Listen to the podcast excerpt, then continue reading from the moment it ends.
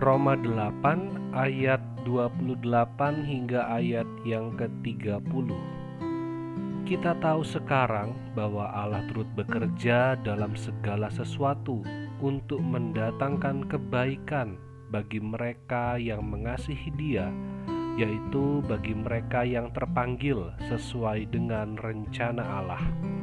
Sebab semua orang yang dipilihnya dari semula, mereka juga ditentukannya dari semula untuk menjadi serupa dengan gambaran anaknya, supaya ia, anaknya itu, menjadi yang sulung di antara banyak saudara. Dan mereka yang ditentukannya dari semula, mereka itu juga dipanggilnya dan mereka yang dipanggilnya, mereka itu juga dibenarkannya, dan mereka yang dibenarkannya, mereka itu juga dimuliakannya. Di dalam Kristus kita mendapatkan segala-galanya. Kita yang berdosa dibenarkan. Kita yang binasa diselamatkan. Dan kita diangkat menjadi anak-anaknya. Bahkan kita terus mendapatkan pertolongan, kita mendapatkan penghiburan, kita mendapatkan pimpinan dan bimbingan dari Allah Roh Kudus.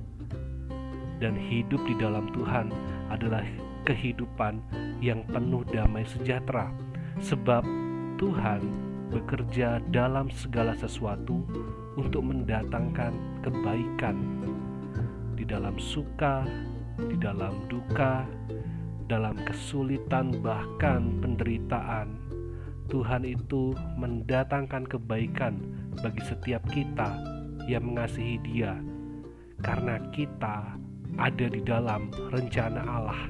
Kita ada di dalam rencana Sang Kalik alam semesta ini.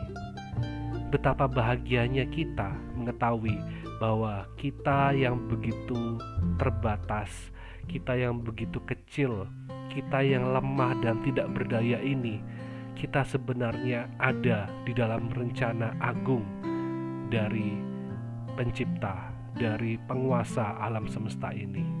Inilah sumber kekuatan kita.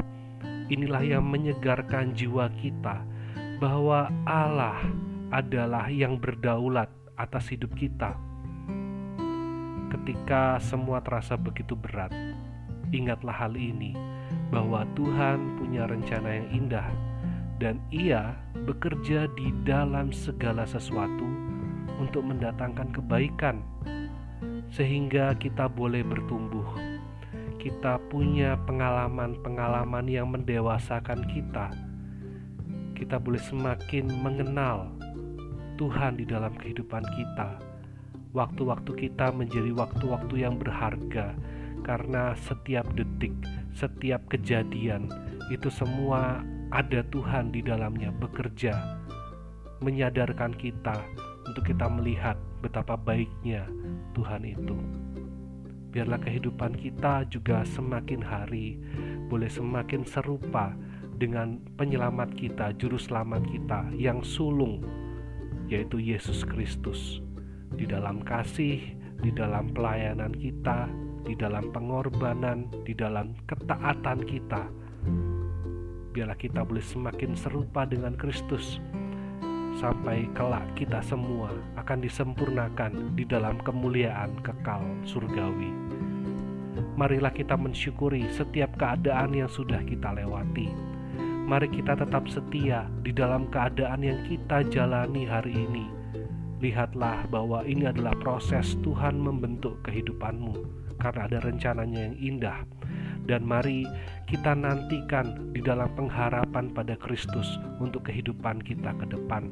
Kita serahkan diri kita sepenuhnya kepada Allah yang berdaulat, karena kita yakin bahwa sejak semula Allah sudah memanggil kita, menentukan kita untuk kita boleh menjadi bagian dari kerajaan kekalnya.